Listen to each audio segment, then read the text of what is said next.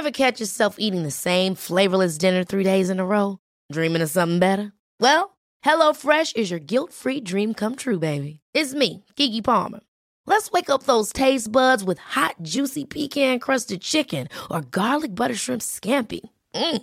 Hello Fresh. Stop dreaming of all the delicious possibilities and dig in at HelloFresh.com. Let's get this dinner party started.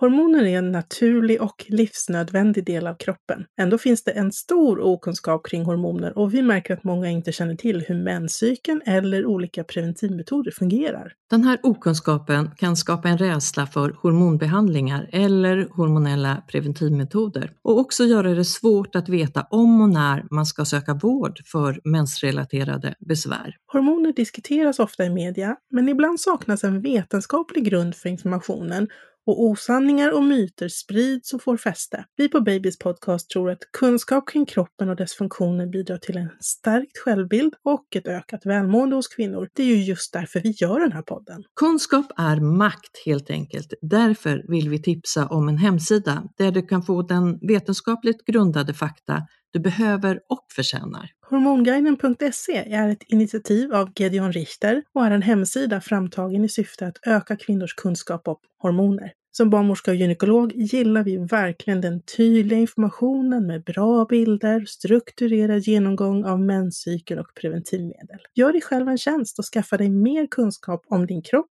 och dina hormoner. Besök hormonguiden.se. Hej alla lyssnare och välkomna till vår Babys podcast.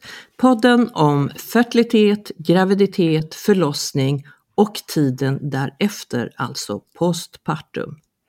Podden med mig, Karina Barnmorska och partner in crime, Rebecka, gynekolog. Rebecka, dagens ämne idag är ju eh, ett eh, viktigt och intressant ämne på många sätt. Vi ska prata sugklocka. Ja, det är superbra att vi äntligen tar det ämnet, för det är någonting som jag vet att många eh, har frågor och funderingar kring. Ja, men många frågor, många funderingar och då eh, översätter vi det ibland, eller översätter, vi kallar det ibland, eh, förkortar det till VAD som står för vakuum eh, förlossning eller VE, vakuum extraction, eller hur? Mm, precis. Och vet du att, ja det vet du, att vi har en gäst. ja, det vet jag att vi har en gäst. Ja, en superexpert på det här. Ja, vi har ju bjudit in eh, Stephanie Romero. Hon är specialistläkare i obstetrik och gynekologi på Karolinska Universitetssjukhuset och hon är också medicinedoktor. Hon försvarade sin avhandling i december 2022. Den handlade just om sugklocka och mer specifikt uppföljning av eh, barn. Hur går det för barn som har fötts med sugklocka? Men du, så passligt. Mycket passligt. Kör ett avsnitt om det här. Så följ med oss in i avsnittet.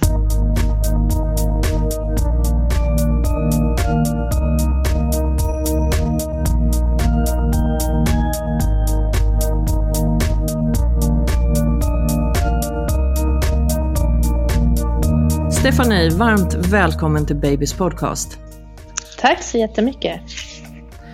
Du har gjort en doktorsavhandling på Ja, Berätta det stämmer. mer. Berätta mer. Jo, eh, jag har då nyligen eh, disputerat inom ämnet där jag har tittat på eh, både, som Rebecka nämnde, långtidsutfallet på barnen men också dragningskraften som används i samband med sugklocka. Ja, det tycker jag. Jag har ju hört dig eh, berätta om, om din avhandling och det där tyckte jag var superspännande. Just det där med, med, med dragkraften. Vad är det egentligen? vad är det egentligen vi gör? Hur mycket tar vi i? Och sådär. Ja, du ska få berätta mer om det lite längre fram. Men jag tror att vi ska göra som vanligt. Vi ska börja basalt och prata om när vi använder sugklocka och lite hur det går till och hur vanligt det är i Sverige. Ska vi börja med varför använder vi sugklocka? När använder vi sugklocka? Ja, alltså sugklockan använder vi ju eh, när vi tyvärr inte ser att en spontan förlossning är på väg framåt. Det vill säga att barnet visar antingen tecken på någon typ av stress, eh, det vill säga att hjärtfrekvensen kanske går upp eller vi får en, en ökad eh, ökade stressnivåer i blodet hos barnet. Eller för att förlossningen inte går framåt, vilket kan bero på att mamman kanske inte orkar mer eller vi har en för dåligt tryck i verkarna eller vi ser att det hela tar alldeles för lång tid. Och då är det väl så att vi, vissa faktorer måste liksom vara uppfyllda. Vi kan inte lägga sugklocka precis när som helst och hur som helst. Precis. Vi har ju det vi kallar för riktlinjer som vi har både nationella här i Sverige men också internationella. De är ganska lika varandra. Och de eh, begränsar oss lite i när man får lägga en sugklocka och hur man lägger en sugklocka. Um, och till exempel så uh, finns det indikationer där man säger då att man inte får lägga en sugklocka om barnet är för prematurt, det vill säga under 34 veckor, eller vi förväntar oss ett väldigt litet barn som väger under 2 kilo. Eller när vi vet att barnet har någon typ av eh, sjukdom som kanske påverkar blödningsrisk eller liknande. Sen finns det en del andra riktlinjer som vi behöver tänka på också och en av dem är just att barnet måste befinna sig eh, på en viss plats i förlossningskanalen eller från och med en viss plats. Och det är eh, det vi kallar för spine som är ett riktmärke i bäckenet som barnmorskan och förlossningsläkaren kan känna vid en vaginal undersökning. Och det är från och med här och neråt där vi har möjligheten att lägga sugklocka. Och vi eh, delar in surklockan i olika stationer beroende lite på var barnet befinner sig i förlossningskanalen. Och utifrån detta kan vi också planera lite för surklockans eh, hur vi lägger den och hur vi tänker oss att det kommer gå. Ja. Och, och Stefanie, där skulle jag vilja tillägga det, och de barnen, de här kriterierna som, som du nämner nu, nämner mm. nu de, de barnen som då inte uppfyller dem, där mm. gör vi då istället direkt ett kejsarsnitt. Precis, och det är lite det alternativet till en sugklocka. Inte alltid, men de flesta fallen så är alternativet till en sugklocka ett kejsarsnitt. Och är det så att vi inte uppföljer uppfyller kriterierna för att kunna lägga en sugklocka, då är det som, som du nämner så att vi går direkt till ett kejsarsnitt. Annars så gör man en avvägning eh, i situationen under förlossningen och tänker vad är bäst för mamma och barn, alltid båda två. Ehm, och funderar lite på var befinner sig barnet i förlossningskanalen, hur svårt kan det, är det för barnet att komma ut, vad är indikationen för förlossningen? Och utifrån det så kan man då välja förlossningsalternativ. Men de är inte alltid helt eh, utbytbara, men oftast så är det det ena eller det andra. Jag vet inte om du, jag kanske missade det Stephanie, men nämnde mm. du att eh, modermunnen måste ju vara fullt eh, öppen också? Ja, nej det nämnde jag inte, men det är helt rätt. Absolut. Ja. Det ingår i resten av de här riktlinjerna ja, som vi behöver så följa. helt öppen, eller det vi kallar för mm. retraherad, det vill säga att kanterna också har dragit sig bakom barnets huvud. Liksom. Mm. In, innan vi fortsätter där Stefan, nu skulle jag vilja mm. också prata om en sak som jag tycker är väldigt viktig, som man pratar allt mer om, och det är det här samtycket och informationen ja. Eh, till den födande och partner. Eh, att Precis. man har det här samtycket, att man ger den här informationen så att mm. man har möjlighet till att eh, själv få bestämma. Absolut, och det försöker vi alltid göra. Eh, vi försöker, det blir ju oftast, beroende lite på vad indikationen för sugklockan är eller kejsarsnittet, det blir ju en liten hektisk situation ibland och både eh, mamma och partner är oftast ganska stressade. Men vi försöker så gott som möjligt förklara alternativen, förklara det vi vet om konsekvenser och eh, indikationer för båda förlossningssätten.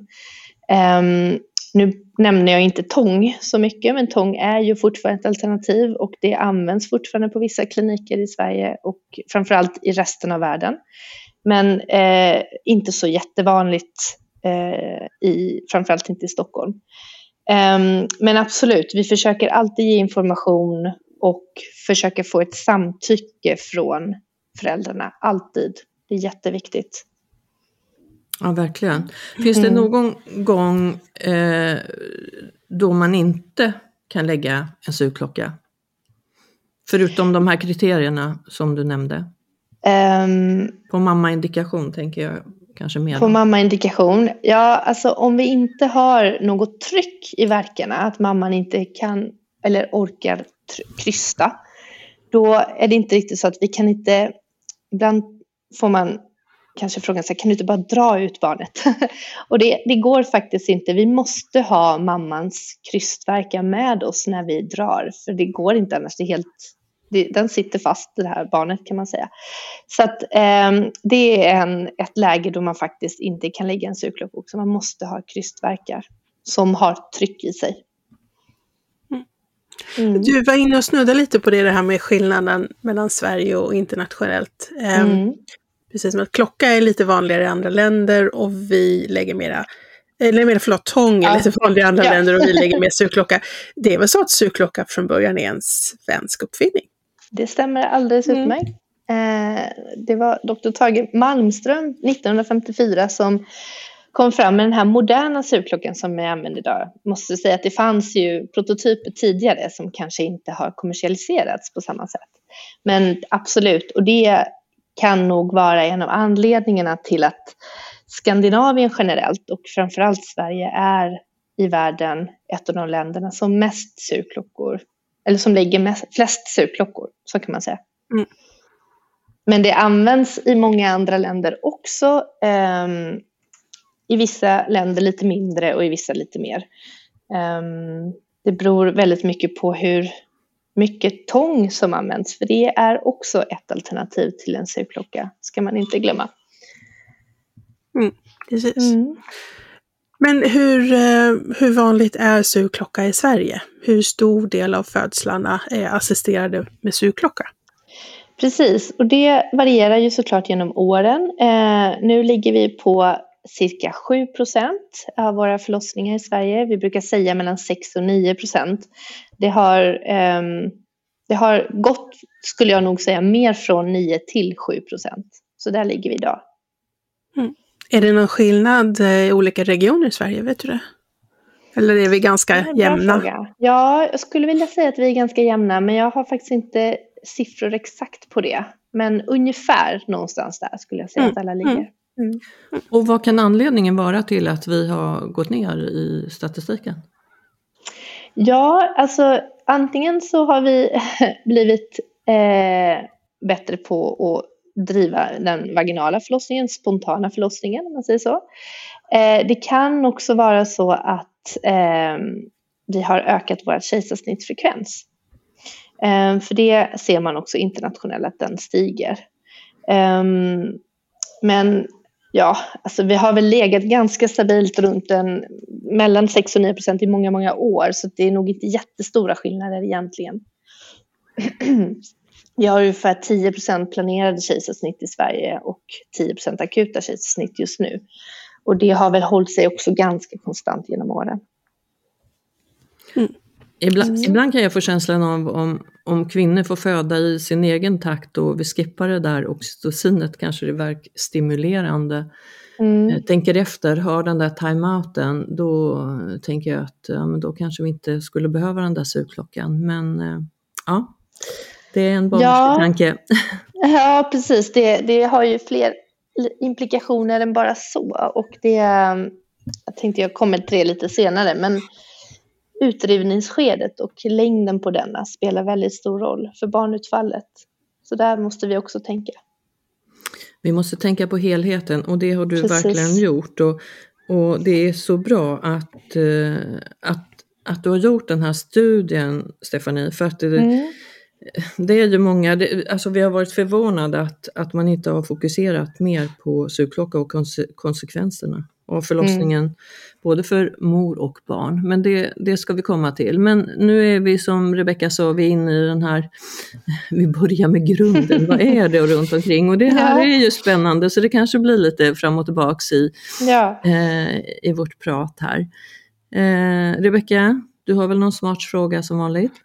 Ja, men jag tänkte att vi, ja, men jag är fortfarande inne i det här att vi ska börja från början, så jag mm. tänker om Stefanie, om du skulle kunna beskriva mm. liksom, hur går det till när man lägger en sugklocka? Liksom, ja, hur, hur, sätter man dit den? Vad händer sen? Vilka ja. är det som är på rummet? Alltså ett sugklockeförlopp. Ja, ja. jättebra fråga. Jo, men som, som Karina också nämnde, vi börjar alltid med en timeout. Det innebär att vi gör ett stopp i det hela och bara stannar upp och tänker till. Vad är det vi gör för något? Varför ska vi göra det? Vad har vi för indikation till detta? Vilka är på rummet? Vi presenterar oss och eh, säger varandras, eh, våra namn och vad vi gör där. Ehm, och det är ju oftast då en eh, barnmorska som har varit med från början. Sen så brukar vi ha med en till barnmorska på rummet. Vissa kallar det barnmorska 2. Och det är då för att assistera i, man, barnmorskan har inte möjlighet att vara på två ställen samtidigt, så det är alltid bra att vara två stycken. Vi har såklart en undersköterska som, som både har en överblick över situationen, jätteviktig roll, eh, men också har eh, möjlighet att assistera då förlossningsläkaren med eh, sugklockan och föra det vi kallar för ett protokoll där vi skriver ner alla tider, hur många drag vi drar och så vidare. Och har den här jätteviktiga rollen i att stanna upp om det är någonting som inte riktigt stämmer eller ser att det eh, någonting ser tokigt ut. Um, och så har vi då en förlossningsläkare som oftast är då en specialistläkare och med sig har en eh, ST-läkare, alltså en, ut, en, en läkare under utbildning. Och ibland kan det finnas någon undersköterska till och så vidare. Så vi är en hel del personer på rummet. Um, och det första man gör då eh, när vi bestämmer oss för en sugklocka det är då att förlossningsläkaren eh, gör en palpation eh, nedifrån och känner då att vi uppfyller de här kriterierna som jag pratade om. Och som Rebecka nämnde också att livmodertappen är helt öppen, det vill säga retraherad, att vi har ett barn som befinner sig från de här spiner, då, de här, den här riktlinjen i bäckenet eh, eller nedanför och gör en bedömning i hur kraft, eh, kraften är i verkarna, hur trycket är. Behöver vi något oxytocindropp, något verkstimulerande dropp som hjälper till i sugklockan eller är mammans eh, tryck så pass bra? Och sen då viktigt också att veta indikationen. Har jag ett skört barn där inne som visar på stress som jag kan vara, eh, behöver vara orolig för? Eh, eller har jag möjlighet att ta lite tid på mig och eh, låta förloppet gå lite mer eh, ja, med mammans egna verkar helt enkelt. Och då när man väl har bedömt att det är läge att lägga en sugklocka och man har fått det här godkännandet för, från föräldrarna eh, att det här är okej, okay, då eh, placerar man en surklocka och vilken typ av surklocka kommer vi komma till lite längre fram, eh, tänker jag också. Men eh, vi väljer den som passar i stunden, placerar den då på barnets huvud utifrån även där riktlinjer som vi har ehm, för att förlossningen ska gå så smidigt som möjligt. Ehm, och då finns det, man palperar då vissa riktlinjer eh, riktmärken på barnets huvud eh, där man då också vet vart man ska placera surklockan. Lägger den där och eh, sätter då på ett vakuumtryck, ett negativt tryck mot barnets huvud. Och sen eh, endast och bara i samband med mammans krystkänsla eller tryck så drar förlossningsläkaren eh, samtidigt surklockan. Sen så finns det lite olika eh, tekniker i hur man gör när man drar då, vilken riktning man drar åt. Och det är oftast att man i början drar väldigt mycket neråt mot, mot golvet om man tänker så. Eh, för det är den riktningen som barnet oftast kommer mot. Och så småningom så ändrar man riktningen när barnet till exempel har passerat det vi kallar för symfysen som är då bäckenbenet. Eh, och sen Väldigt viktigt om man inte har jätte, jättebråttom av någon anledning att man pausar innan barnet då passerar eh, bäckenbotten och öppningen så att vi får en uthängning av bäckenbottenmuskulaturen. Sen så gör vi lite olika när barnet väl ska födas och beroende lite på anledningen till eller indikationen till sugklockan. Man kan välja att ta bort sugklockan och att mamman krystar ut barnet det sista Ehm, eller om man behöver få ut barnet först så drar man hela vägen ut. Ehm, där kan man också, och väldigt viktigt att tänka på perinealskydd så att vi undviker stora bristningar. Där eh, brukar jag ta hjälp av barnmorskan, men det är väldigt olika hur man gör. Kan också lägesändra i det läget för att undvika få en större bristning. Man brukar ju dra sugklockan i benstöd, alltså gynekologisk position. Men där kan man också ändra på slutet för att undvika stora bristningar. Man kan till exempel ta ner benen, man kan ligga på sidan. Det beror lite på, eh, återigen ofta, som hur bråttom det är. Men det är jätteviktigt att tänka på mammans bäckenbotten så att vi inte får med oss det. Och sen så eh, brukar jag lämna över till barnmorskan, det är också väldigt olika, och göra sista förlossningsdelen. Eh, har man en ST-läkare med sig så är det viktigt att kunna öva lite på det också. Så då förlöser man barnet tillsammans med barnmorskan och får upp den direkt till mamman och förhoppningsvis så mår den bra. Så att den kan ligga kvar där. Annars så behöver vi ibland ta ut barnet till barnbordet tillsammans med barnmorska och då barnläkarna. Det är lite olika. Så så skulle jag säga och då brukar vi göra ett avslut och eh, sen så kommer ju moderkakan och så vidare. Men det där är av, klockan avslutad i alla fall. Mm. Hur många gånger eh, drar man? Alltså hur många verkar får det här ta? Ja, våra riktlinjer säger sex. Um, där är det väldigt individuellt för att man säger sex och internationellt så säger man att vid tre drag så ska huvudet nå bäckenbotten. Men där vet man, och det är lite det som jag pratar i min avhandling om, att ju högre upp barnet befinner sig i förlossningskanalen, desto fler drag kommer det krävas för mm. att få ner barnet. Mm. Men sex är ett, en riktlinje som de flesta av oss försöker följa, men eh, ibland är det väldigt svårt att eh, få ut barnet på sex och då kanske det tar sju. Om vi backar tillbaks lite grann så tänker jag på att kvinnan har en adekvat bedövning. Mm. Eh, och eh, då kan vi lägga en sån här bäckenbottenbedövning innan eller gör det ganska ofta en, en så kallad PDB. Eh, ja. Skulle den eh, försvåra eller finns det no någonting annat du tänker just runt det här med att eh, ja, bedövningsformer? Nej, jag är helt för att lägga en PDB eh, så, tidigt, så snabbt som möjligt när man har tagit beslut om sugklocka. Det gör jättestor skillnad för eh, mamman för att då kan man ha lite, lite bättre smärtlindring just precis eh, den här sista delen i förlossningskanalen som där till exempel en epidural inte tar särskilt bra. Um, så att det, om det inte är så att vi har jätte, jättebråttom, att barnet verkligen måste ut nu, då är det ett väldigt viktigt och jättebra, eh, en bra sak att göra. Bra. Mm. Eh, och man kan använda sig av lustgas också. Eh, Absolut. När man hjälper till att trycka på, då kan man ha eh, inhalerat den här lustgasen innan och så trycker man på liksom när kraften mm. är. När man får hjälp nerifrån av dig eller dina kollegor Stefanie med, mm. med, att, med de här dragningarna och själv trycka på. Det, det, det, man kan göra själv i den kraften är ju också enormt värdefullt. Mm. Jätteviktigt. Det går som sagt inte att lägga en sugklocka om man inte har hjälp av mamman. Mamma är alltid viktigast i det här. Mm. Eh, den, du pratade om eh, hög klocka, vi kallar det ju ibland hög, medelhög eller låg klocka. Mm. Eh, om du skulle förklara det? Ja, och det är ju en svensk nomenklatur som vi använder.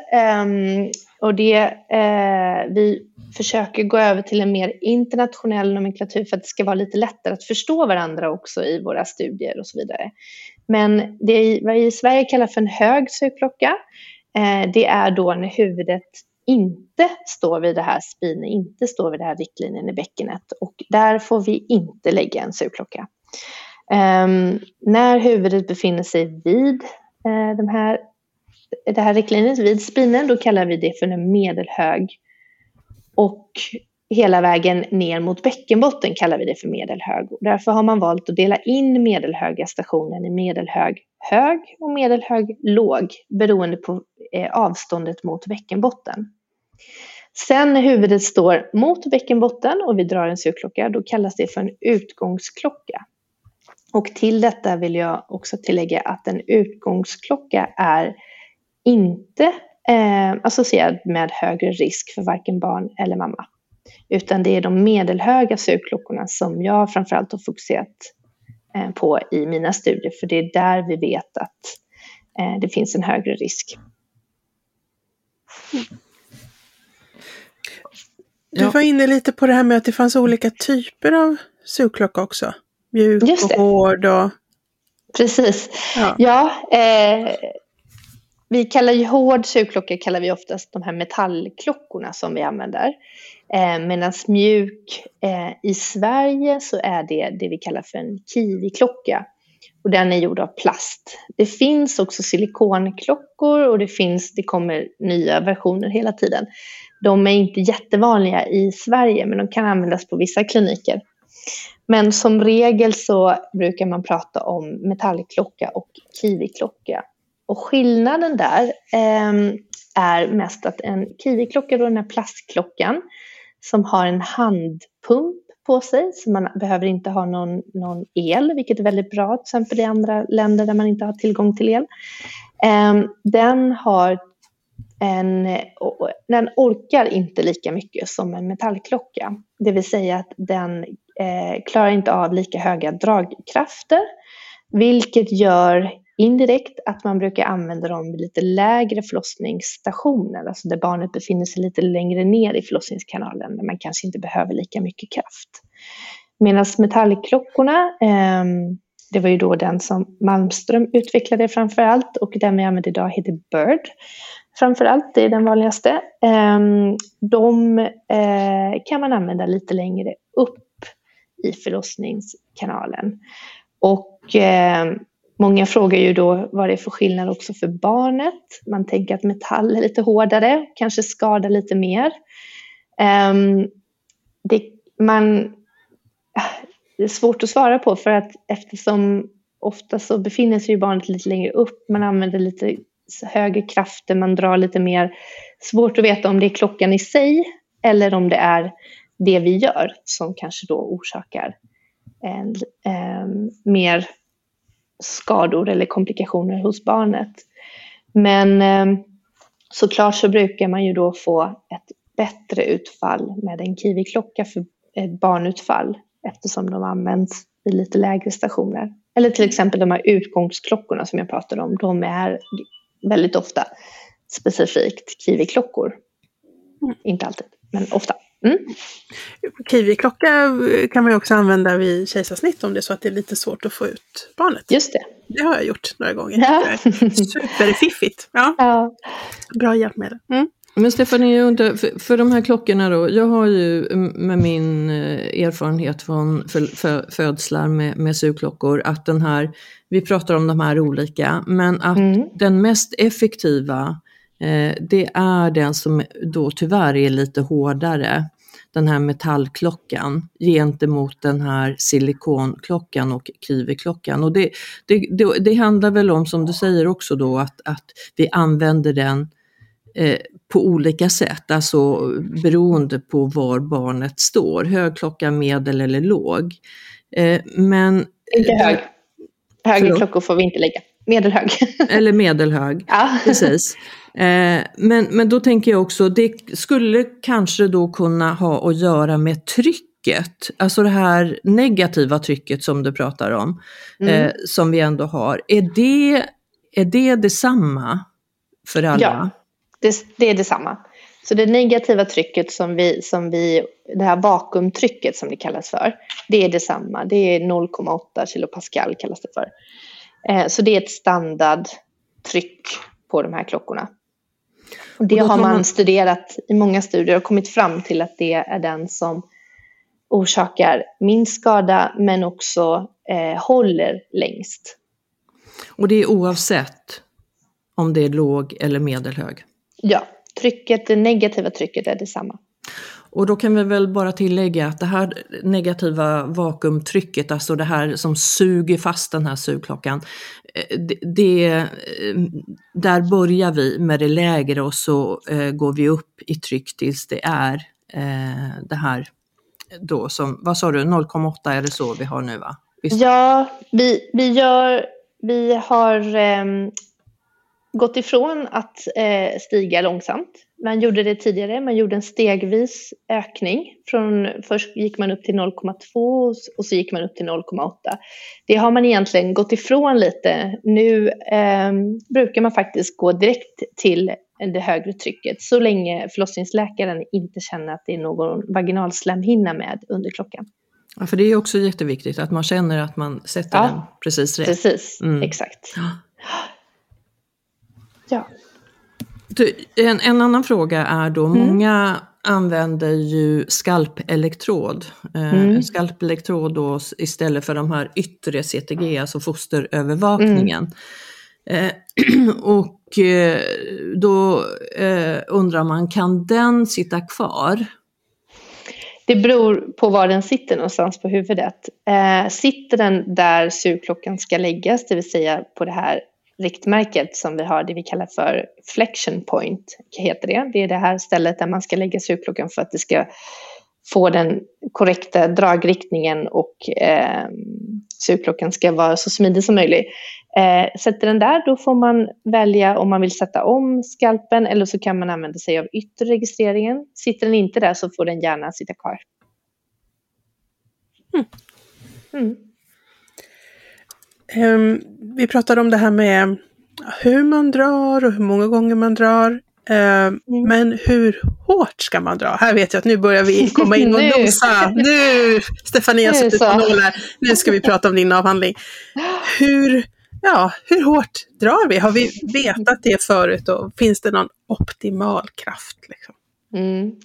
Och det är ju precis det som jag var ute efter i min avhandling. Att finns det någon optimal kraft? Och det här har man ju studerat tidigare också. Eh, tidigare kollegor från min forskargrupp har ju tittat på detta.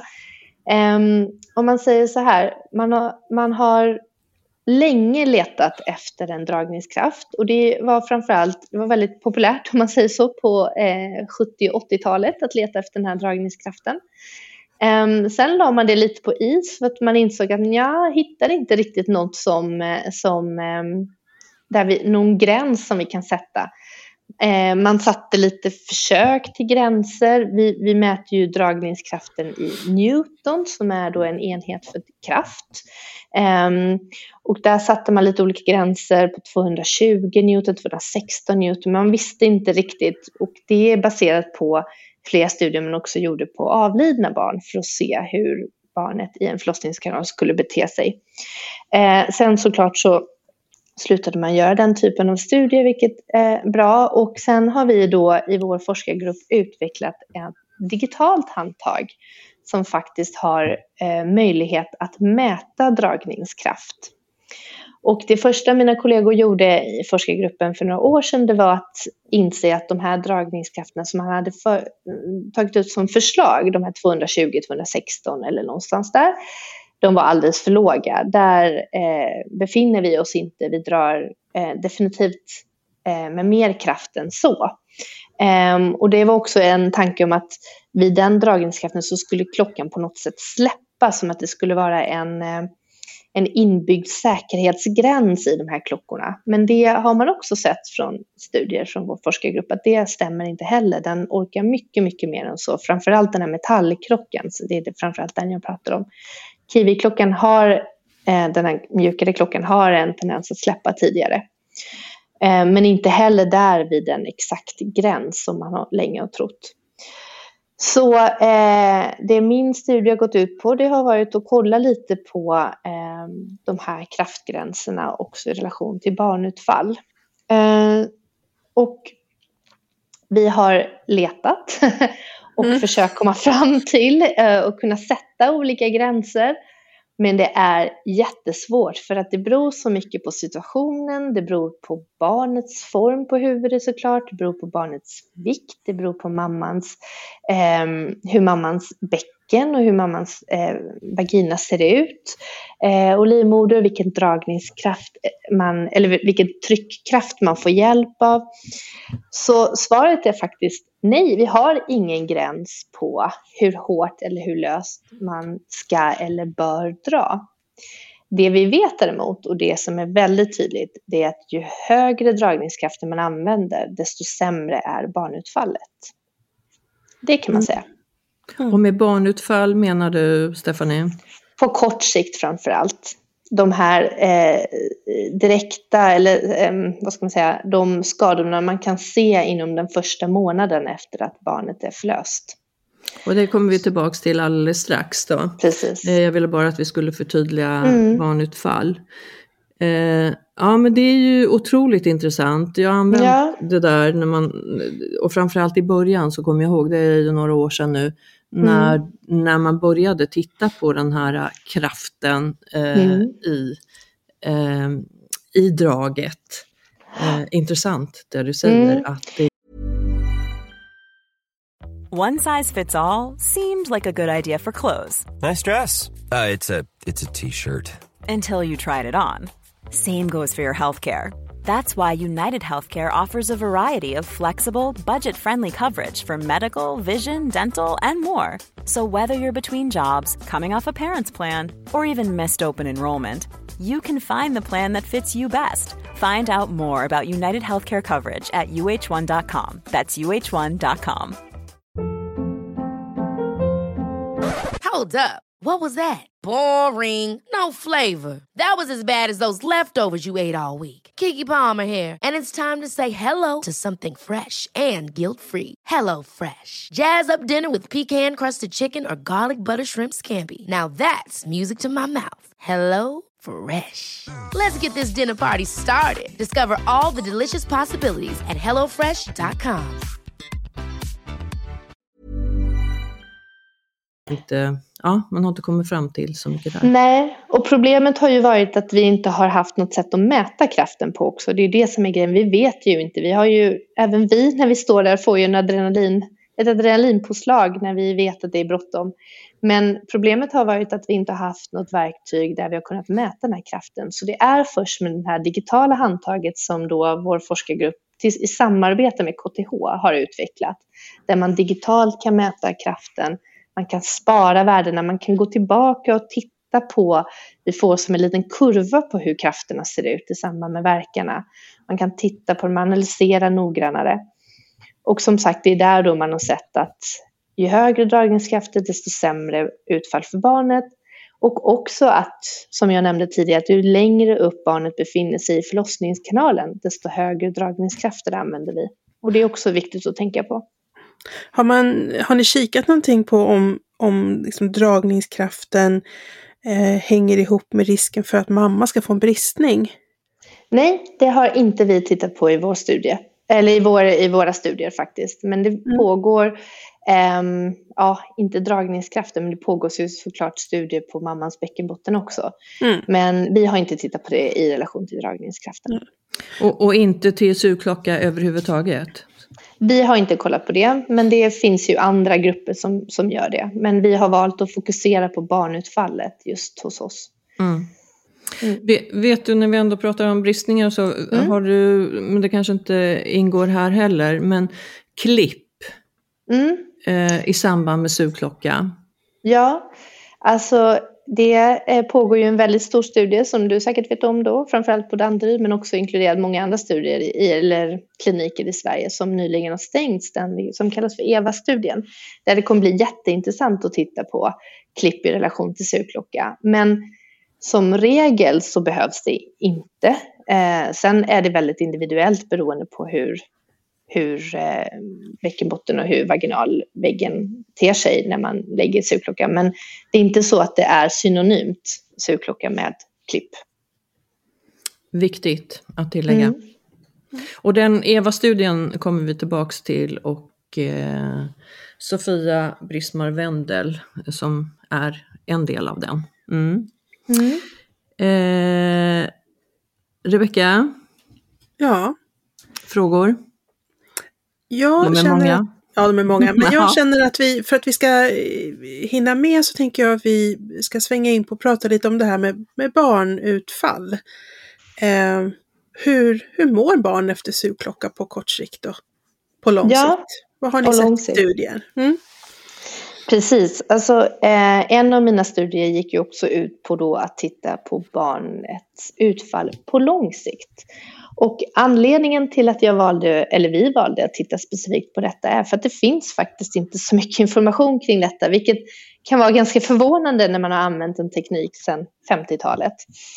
Um, ehm, och uh, det finns återigen en hel del studier från 70 80-talet som tittade på detta och sen början på 90-talet. Sen har man lite, inte om man har lagt det på is eller så, det har dykt upp lite studier här och var, vissa nationella studier som har försökt titta på detta, men vi har inte riktigt haft några eh, validerade uppföljningar, det vill säga uppföljningar där man faktiskt kan, eh, där man har använt en metod för att följa upp barnen som man på något sätt kan ha möjlighet att jämföra med andra barn. Och eh, där så eh, har vi valt att jämföra barn som är förlösta med sugklocka med de som är förlösta med kejsarsnitt som är då det här alternativet. Och nu pratar vi om akuta kejsarsnitt i det skedet där alternativet var en sugklocka, det vill säga utdrivningsskedet. Inte de här planerade kejsarsnitten, inte de när barnet står väldigt högt upp i förlossningskanalen, utan när alternativet är en sugklocka har jämfört de två och så har vi tittat gentemot eh, barn som är spontant förlösta. Och där har vi använt oss av en validerad då, uppföljningsmetod som är en enkät som heter 5 till 15 som är en, en nordisk enkät som tittar framförallt på eh, det neuropsykiatriska utfallet och beteendeutvecklingen hos barnen. Och det har varit väldigt intressant för det är föräldrar till de här barnen som har fyllt i enkäten och de har varit mellan 6 och 14 år och svarat på diverse frågor kring barnens utveckling.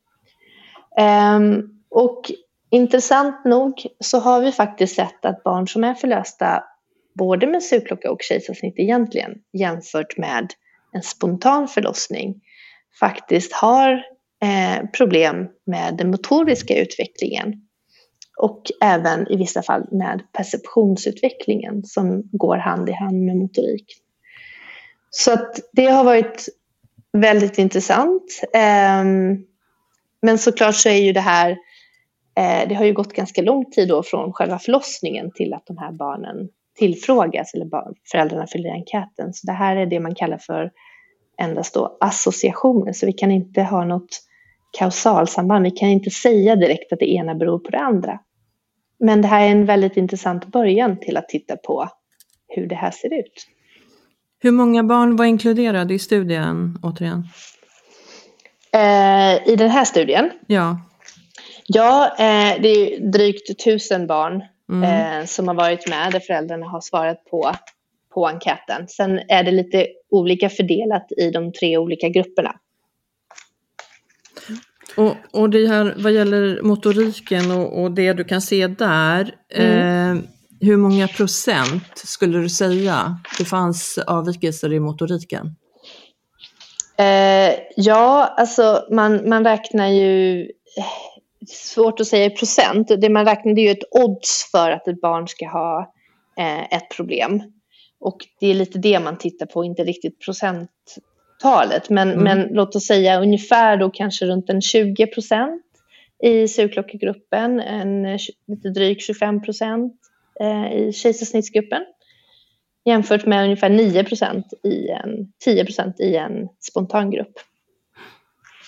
Och då blir ju min fundering är, och det tror jag kanske är svårt att svara ja. på, men det, är mer en, det här är mer en retorisk fråga. Ja. Är det så att, att den här motoriska utvecklingen, att de problemen beror det på sugklockan eller kejsarsnittet? Eller hänger det ihop med orsaken till att man valde att lägga sugklocka eller göra ett akut kejsarsnitt? Ja. Vad, är det liksom, vad är det vi mäter här egentligen? Liksom? Precis. Och där kommer vi in på lite mer att man börjar analysera lite mer de här förlossningarna. Hur, vad har hänt under förlossningen? Vad är det för något som sker under förlossningarna? Och där är det ju ganska intressant då för att vi vet ju inte exakt vad det beror på, men vi har ju då också eh, försökt det man säger för att kontrollera för olika faktorer, det vill säga vi lägger in olika eh, aspekter i förlossningen som vi tänker att det här skulle kunna vara en anledning. Och då med statistiska analyser så kan man göra så att man försöker bortse från, från de faktorerna och försöker få fram ett värde i hur det ser ut utan att tänka på dem. Och då är en av de här faktorerna vi har lagt i är till exempel eh, indikationen för förlossningen, eh, alltså då kejsarsnitt eller sugklocka. Och då har man sett att det verkar inte riktigt vara en av anledningarna. Eh, så det är inte riktigt indikationen och då är vi inne på vad, vad kan det vara då för något som mm. gör att barnen har det här. Och där är jag inne lite på det jag nämnde tidigare att en sak som vi faktiskt ser eh, skillnad på det är hur länge barnet befinner sig i förlossningskanalen i det här utdrivningsskedet. Det vi kallar på engelska för second stage of labour. Och där är det ganska stora skillnader jämfört med den spontana förlossningen. Både kejsarsnittgruppen och sugklockegruppen, de barnen finner sig, eller de befinner sig under en mycket längre tid i, den här, i det här utdrivningsskedet.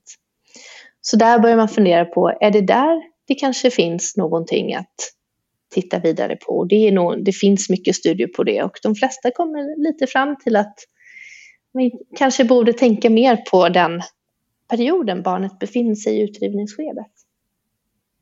Mm. Det är jätteintressant för det mm. har man inte riktigt tänkt så mycket på tidigare och det här kommer mer och mer. Och det, och det är ju så viktigt att mm. vi ser att eh, och din forskning och, och, många andra eh, forskningar som, som då leder precis till det här. För att vi vill ju, vi vill ju ha friska mammor, friska barn. Ja, det är ju vår mm. målsättning. Mm. Eh, men finns det andra, eh, det, det här barnutfallet som vi pratade om då, vad, vad har man mer tittat på?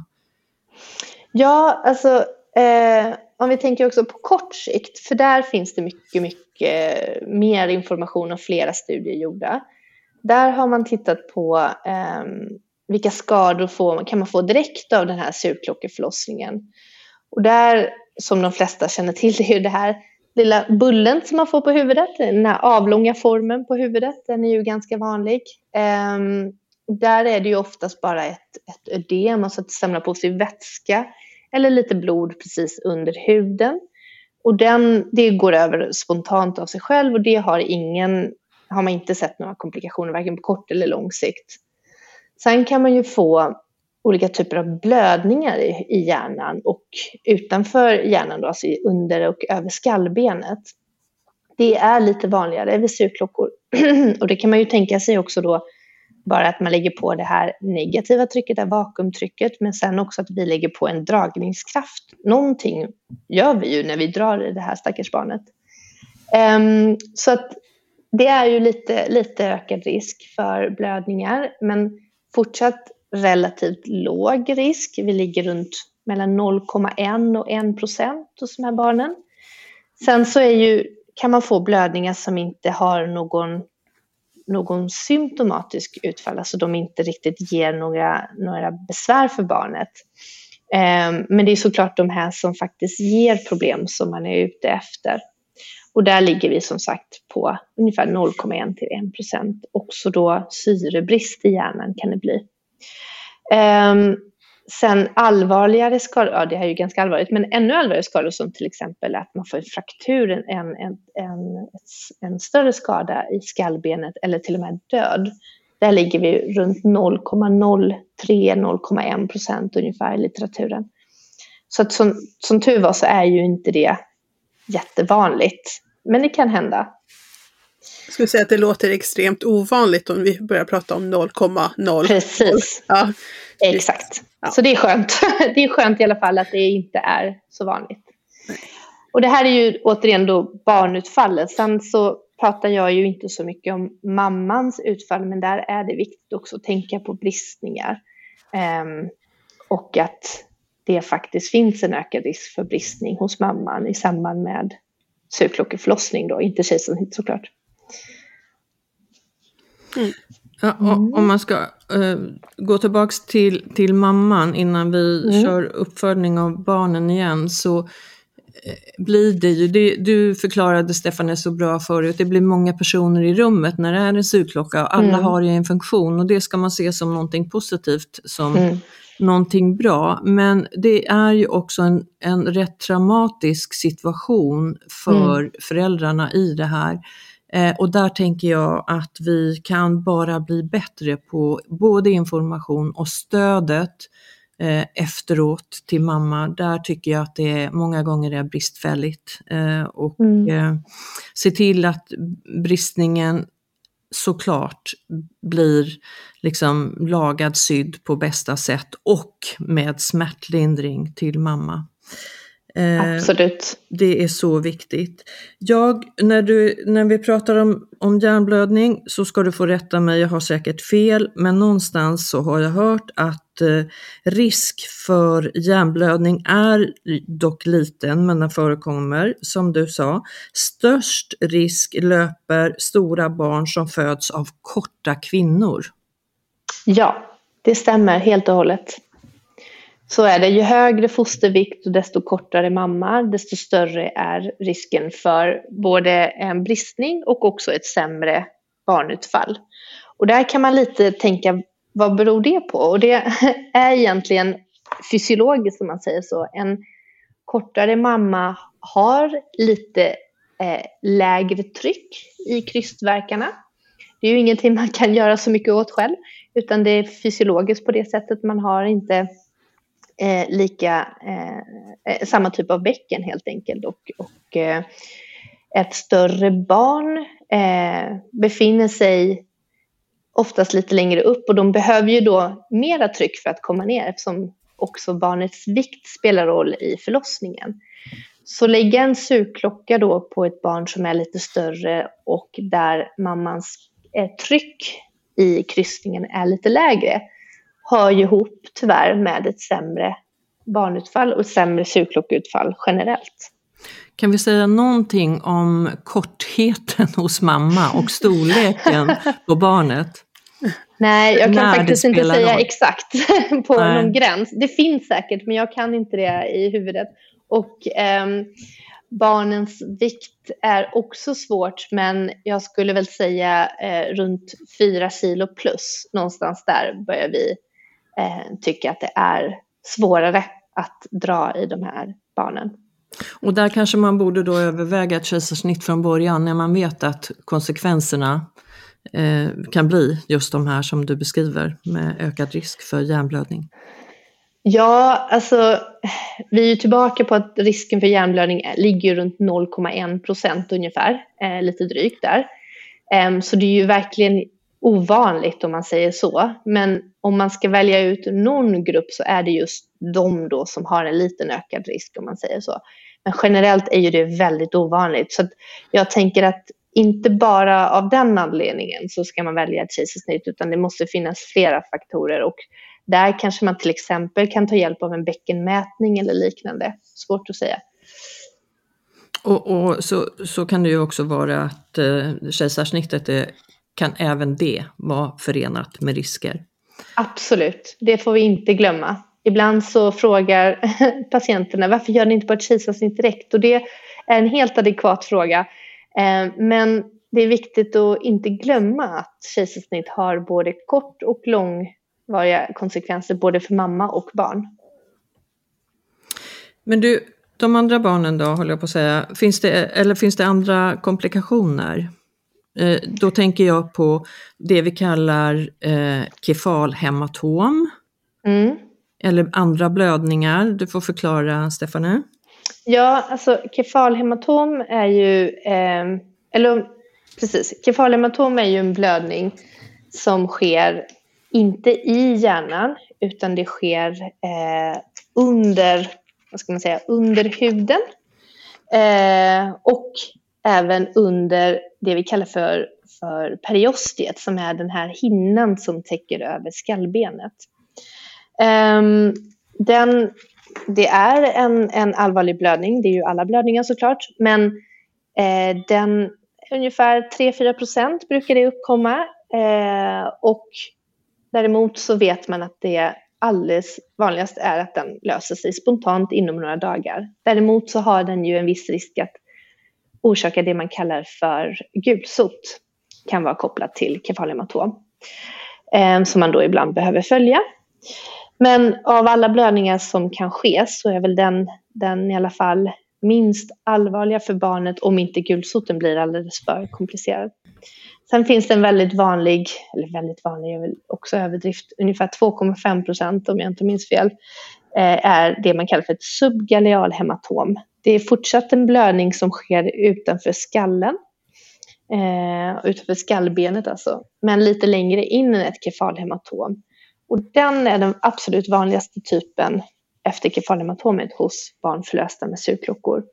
Och även den är relativt riskfri om det inte är så att den här blödningen blir okontrollerad. Och de barnen brukar oftast få en väldigt noggrann undersökning av barnläkarna och oftast följa de här blödningarna. Även kefalhematomen brukar ibland följas av barnläkarna.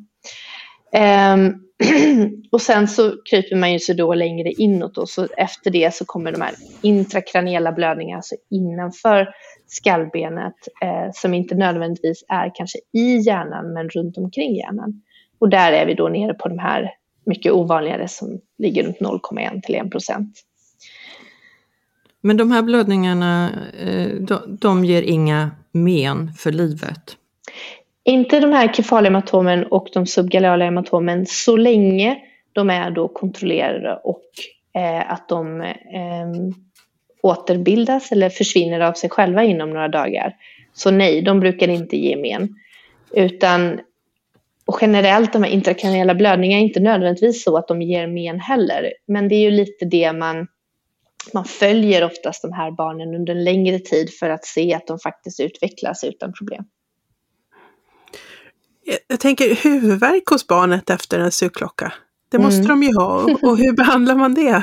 Ja, kan man verkligen förstå att de borde ha. Mm. Det trodde man ju inte förut. Innan tänkte man ju inte på att barn...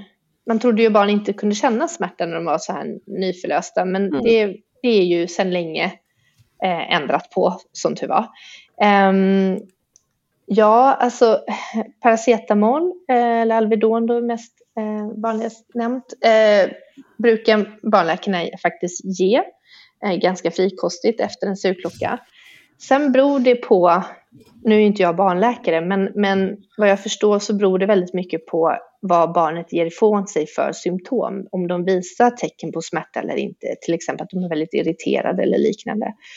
Ehm, sen beror det ju på, har barnet då tyvärr fått en sån allvarlig skada att de kräver intensivvård, då pratar vi om, om annan typ av behandling även där. Men vad jag vet så får de inte mer än kanske då lite regelbundet paracetamol initialt. Men återigen, jag följer ju inte de här barnen när de väl är ute så mycket. Och det gör jag. Ja. ja, jag skulle precis säga det Karina. du jobbar ju på BB. Ja, eh, och förlossning. Och eh, vi ger alla, alla barn med sugklocka eh, direkt en, en sån här Alvedon eh, till barn i, i stjärten, en SUP mm. Alvedon.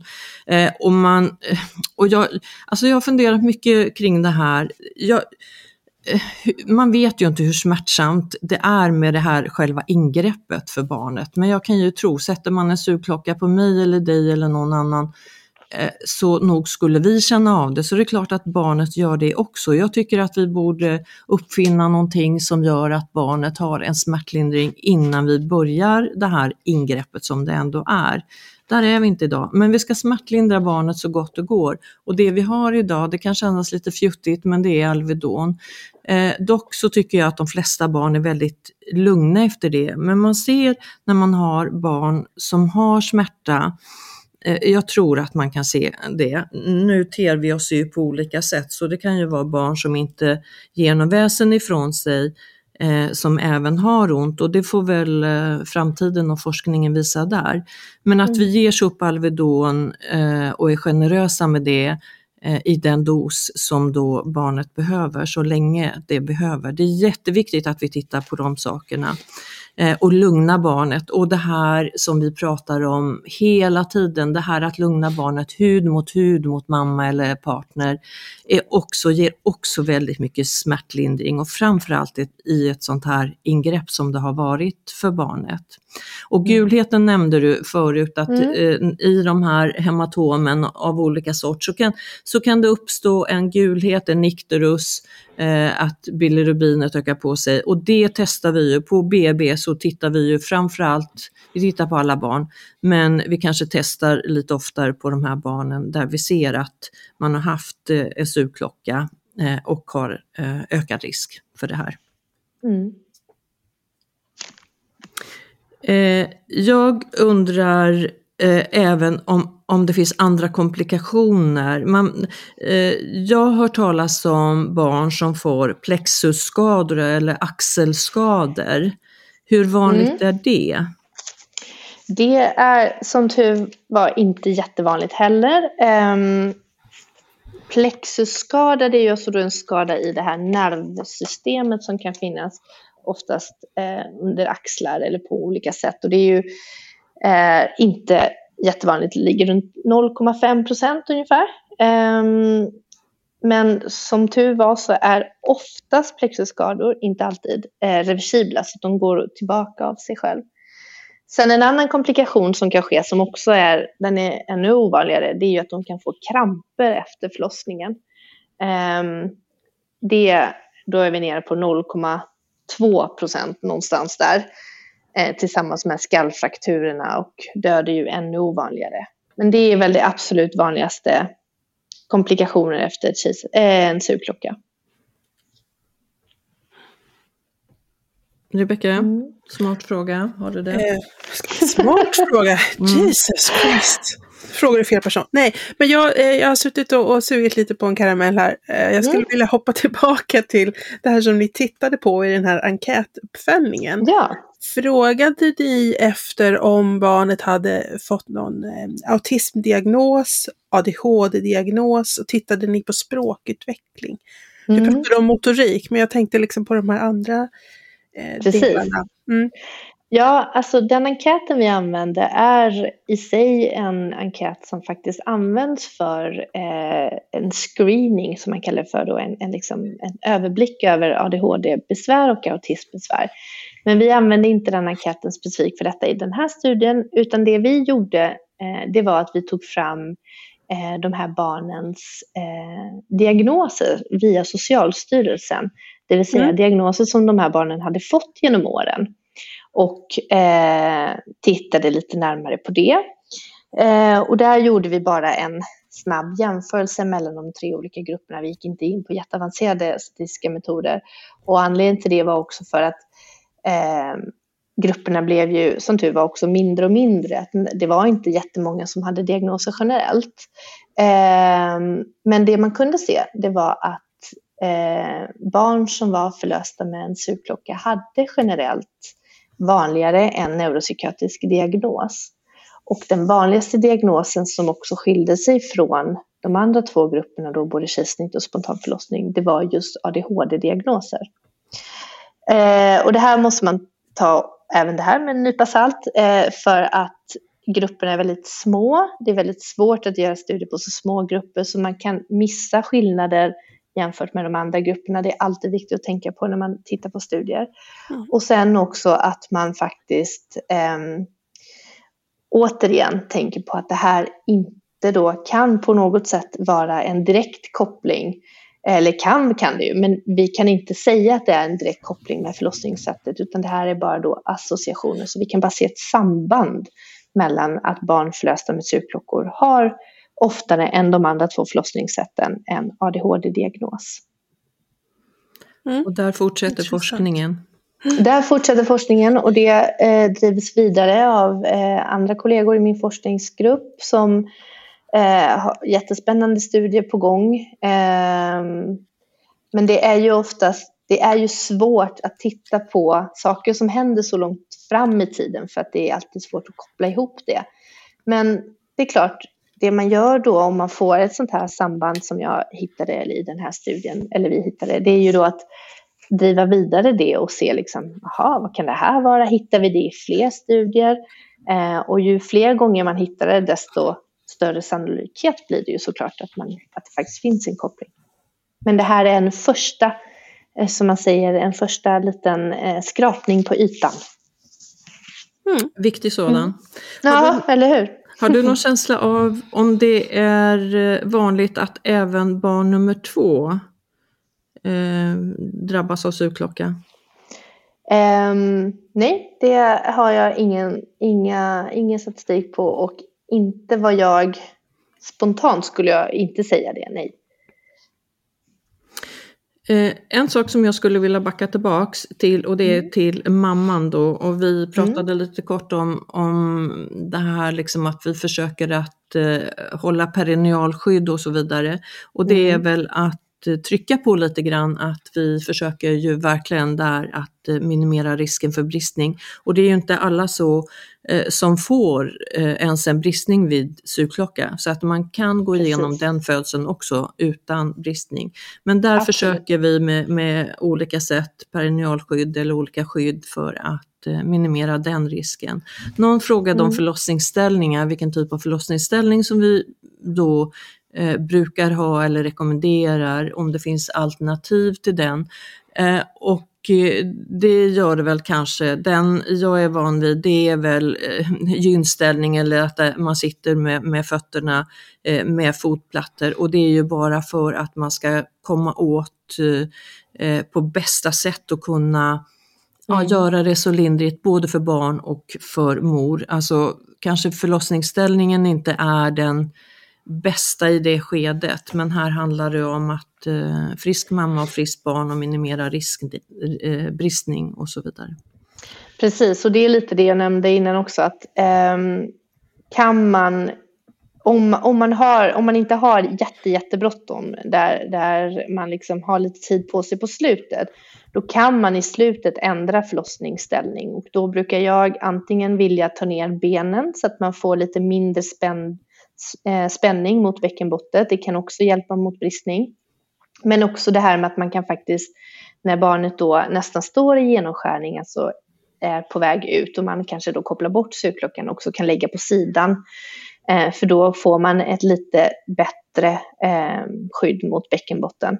Och det är ju det, det som är det som, precis som du nämnde, att så är ju inte sugklocka synonymt med en bristning direkt, det måste det inte bli.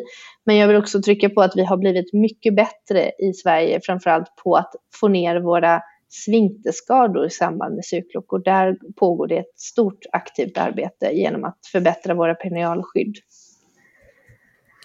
Vi kan bara bli bättre i allt vi mm. gör. Fantastiskt. Eh, ja, jag eh, tror inte att jag har några fler frågor till dig. Stefanie, är det någonting mm. mer du skulle vilja säga? Ja, alltså jag, ibland så när jag pratar med patienter, pratar med kollegor, pratar med andra människor så blir man ju väldigt orolig för det här ordet sugklocka och det här förlossningssättet. För det, man, det ser ju väldigt traumatiskt ut också. Det är väldigt traumatiskt både för mamma och barn. Men också viktigt är att tänka på att det gäller inte alla surklockor, utan de här utgångsklockorna, ju längre, barnet, ju längre ner barnet är i förlossningskanalen desto mindre risk finns det. Så att man också tänker på det, att det här gäller inte alla, förloss, eh, alla surklockor utan de medelhöga. Eh, och sen också så skulle jag vilja att vi så småningom i våra riktlinjer faktiskt tänker över det här med hur länge barnet befinner sig i förlossningskanalen. Är det någon faktor vi kan baka in i våra riktlinjer? Och att man också tänker på det som barnmorska och förlossningsläkare när vi har en, en aktiv förlossning. En ständig process. Ja, verkligen. I vår utveckling för, mm. för er där ute. Och det här är ju jätteviktigt. Eh, Rebecka, har du någon, någon, någon mer fråga till Stefanie? Nej, jag tyckte att eh, den där avslutningen rundade ihop bra. Mm. Faktiskt. Vi har ju vi har ju bombarderat dig, Stefanie. Stefanie kommer behöva ta semester nu efter det här. ja, nej. på frågor. ja, men, och superviktigt ämne. Stefanie, mm. grymt jobbat av dig eh, både på förlossningen och i forskarteamet där. Och grattis Tack. till doktorsavhandlingen som Tack. Stort eh, grattis. Du gick ut med december 22 va? Ja, precis. Mm. Känns väldigt trevligt och skönt. Fantastiskt. och kul. Och, och, vi får säkert eh, tillfälle att hälsa dig välkommen tillbaks med tack. nya studier. Ja, vad roligt. Ny tack så jättemycket. Stort tack Stephanie, Rebecka. Mm. Oj, vad mycket information. Eh, fantastiskt eh, vad Stephanie gör med sitt team Mm. för Mycket, mycket bra. födande kvinnor. Ja, mycket barn. frågor som, som man faktiskt har gått och funderat på när Mycket man själv har känslor. jobbat. Ja, mm. Ja, mycket känslor om det här också. Eh, men ett bra avsnitt tycker jag och det hoppas eh, vi att ni där ute tycker också. Eh, vi är ju eh, tillbaks och pratar fertilitet, graviditet, förlossning och tiden därefter snart igen. Så stay tuned hörni där ute. Lyssna på våra avsnitt. Det finns en väldig massa andra ni kan scrolla ner på Spotify. Annars så hänger ni med oss på Instagram och då är det ett babys podcast. Tills nästa gång, ha det gott, ta väl hand om er. Hej då!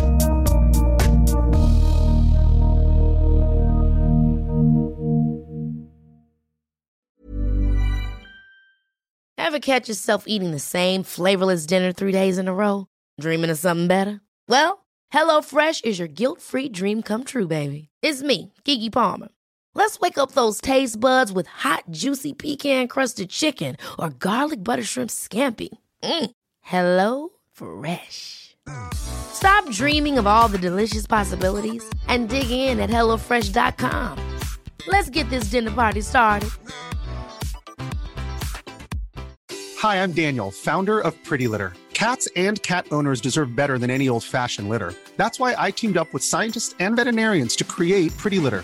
Its innovative crystal formula has superior odor control and weighs up to 80% less than clay litter. Pretty Litter even monitors health by changing colors to help detect early signs of potential illness. It's the world's smartest kitty litter. Go to prettylitter.com and use code ACAST for 20% off your first order and a free cat toy. Terms and conditions apply. See site for details.